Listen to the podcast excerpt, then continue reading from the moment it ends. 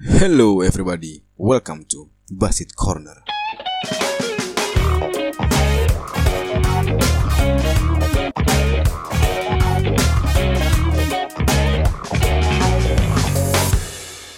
Hai, ketemu lagi nih bersama Basit di sini. Apa kabar semua? Semoga sehat-sehat semua. Jangan lupa vaksin yang belum vaksin. Terlepas buat menghindari COVID-19, kegunaan vaksin itu yang terpenting nih sekarang. Lo tahu apa? Buat bisa masuk mall. Sekarang lo kalau belum vaksin, lo nggak bakal bisa masuk. Kayak tadi gue ke supermall, ya kan?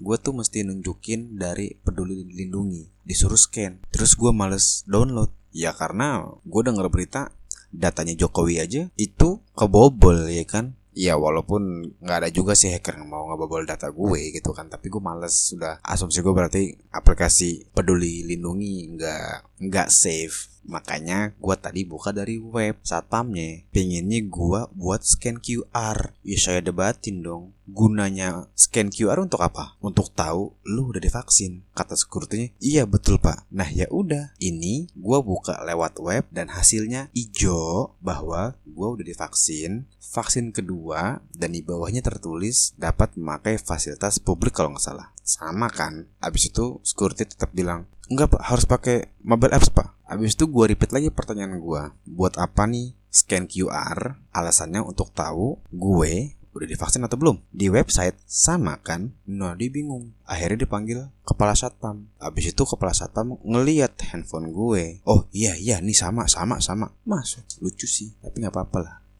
Anyway yang tadi kita intermezzo soal vaksinasi. Sekarang gue mau cerita nih. Belakangan ini gue perhatiin ya Makin banyak coffee shop yang baru dan yang estetik banget tempatnya. Entah coffee shop baru tapi ganti konsep jadi semi outdoor yang lebih estetik atau new coffee shop dengan nama baru dan cukup ramai loh yang baru-baru sekarang nih dengan konsep semi outdoor tersebut apakah sebanding lurus dengan rasanya? Apakah rasanya seproper tempatnya? Hmm, saya tidak tahu. Mari kita bahas. Di pertanyaan yang masuk sekarang itu adalah kedai kopi yang layak itu kayak apa sih? Nah, untuk ngejawab pertanyaan kayak gini, gue akan ngejawab dari sudut pandang gue, ya kan? Dan ini no offense, sama sekali brother, sama sekali. Yang di mana ini juga salah satu keresahan gue juga gitu. Jadi gini, dalam memulai coffee shop atau usaha F&B lah ya, tapi kita mengkerucut ke coffee shop karena gue specifically ke coffee shop dan lo punya brand baru gitu, brand sendiri gitu kan. Um,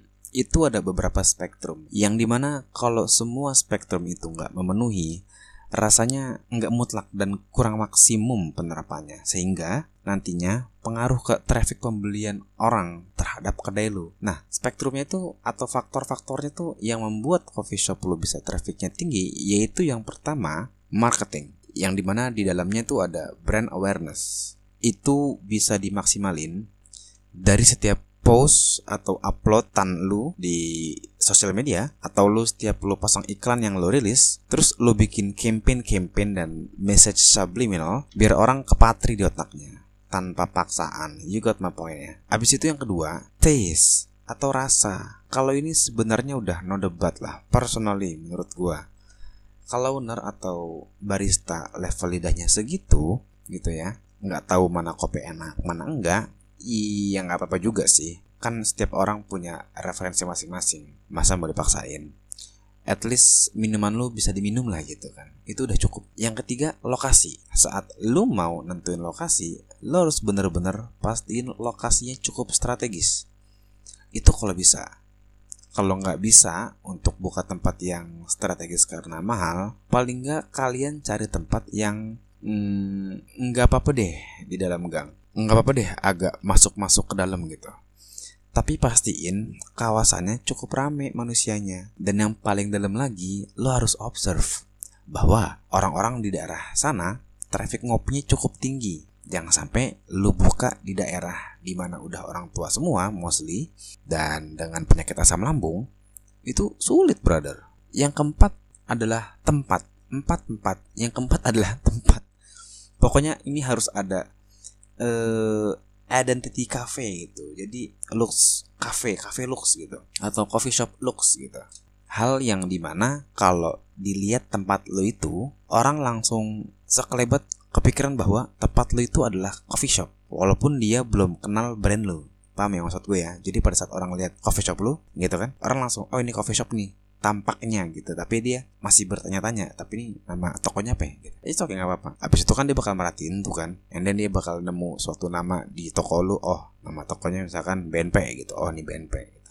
Baren Pubs oke. Okay. kelihatan. Habis itu dia lewat satu hari nggak mampir masih menerka-nerka bahwa ini kafe. Hari kedua lewat lagi penasaran sepertinya ini kafe. Yang ketiga oh namanya Baren Pubs. Yang keempat insya Allah masuk gitu. Prediksi aja Kenapa harus gitu? Jangan sampai dari luar tempat itu tampak seperti tempat pijit. Nah, atau kayak rumah SBY. Nah, jadi orang tuh segen-segen gitu buat mampir ya kan. Nah, terus papa nama atau neon box. Neon box lu harus terang sama yang kayak gue pakai terang di toko BNP gue pakai neon box terang terangnya gue ulang-ulang terus kelihatan clearly lah pokoknya kenapa harus gitu karena itu investasi advertising lo yang di mana orang-orang akan lewat setiap hari lewat toko lu melalui neon box lu atau suatu kata yang ada di atas atau di depan toko lu yang terlihat gitu. Nah, itu harus proper menurut gue ya.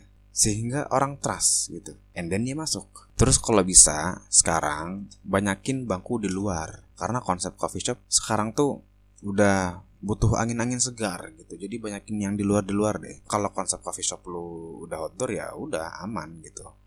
Dan pencahayaan bener-bener lo atur harus eye catching.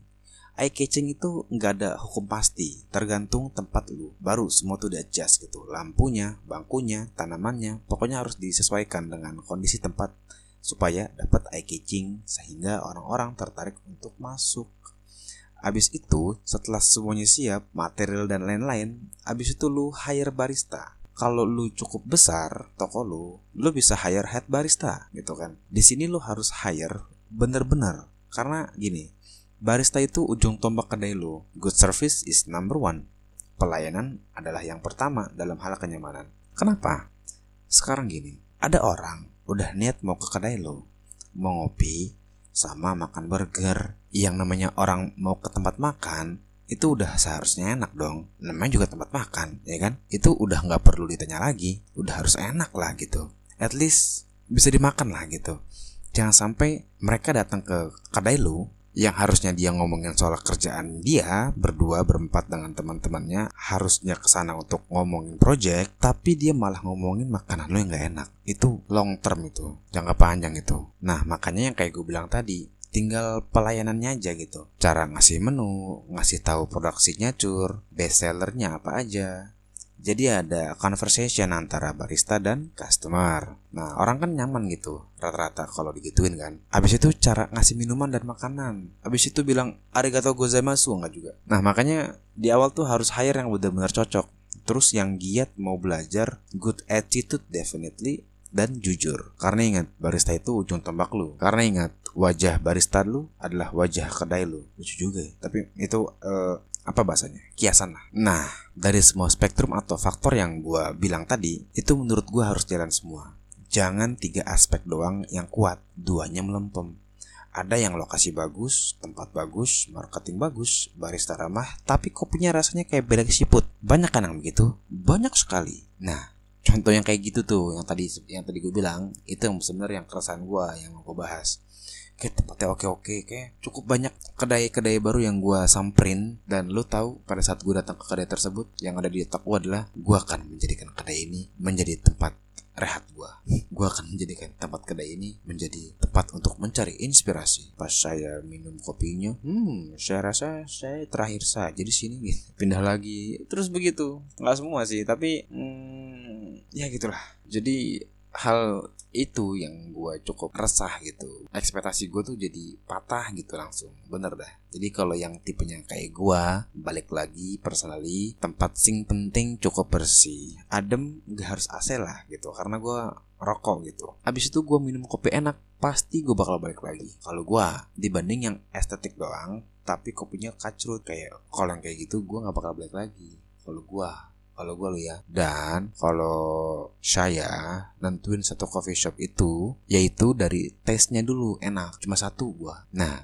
untuk kunjungan pertama di suatu coffee shop, gue bakal pesan dulu tuh espressonya tuh, atau cappuccino-nya, atau latte-nya lah gitu.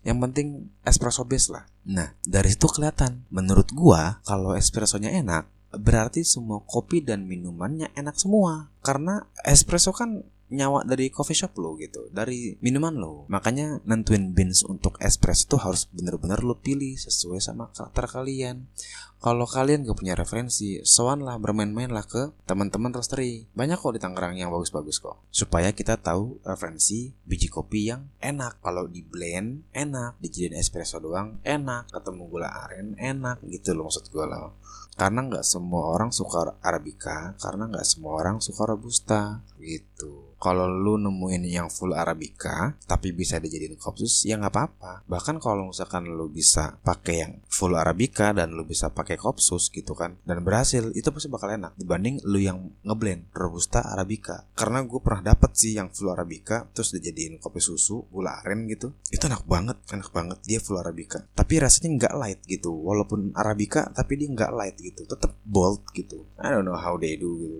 emang udah gokil sih dia. Kalau nggak salah sih itu nama kedainya BNP deh. Uh, terus dan ya pokoknya gitulah dan untuk cari referensi uh, yang lokal itu recommended lah menurut gue.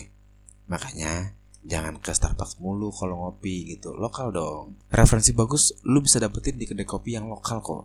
Lokal tuh enak tahu kalau gue punya money gocap dan gue berani spending itu duit gitu ya gocap gitu gue lebih rela uang gue keluar ke anomali rosso BNP pastinya titik nyeduh mungkin dan lain-lain gue lebih rela duit gue ke spending gocap ke sana gitu dibanding ke Starbucks. Kalau gue dan gue pernah beli kopi harga 45 ribu lokal punya dan gue oke okay, nggak masalah. Karena gue nggak peduli brandnya gitu. Yang pertama karena gue tahu ini lokal dan enak terlebih oh, gue beli itu oke nggak masalah. Kayak gue pernah beli ke Starbucks gue beli V60 manual brew. Di upsize buset mandi kopi saya pak. Pas saya coba rasanya hmm mending beli kopi kenangan.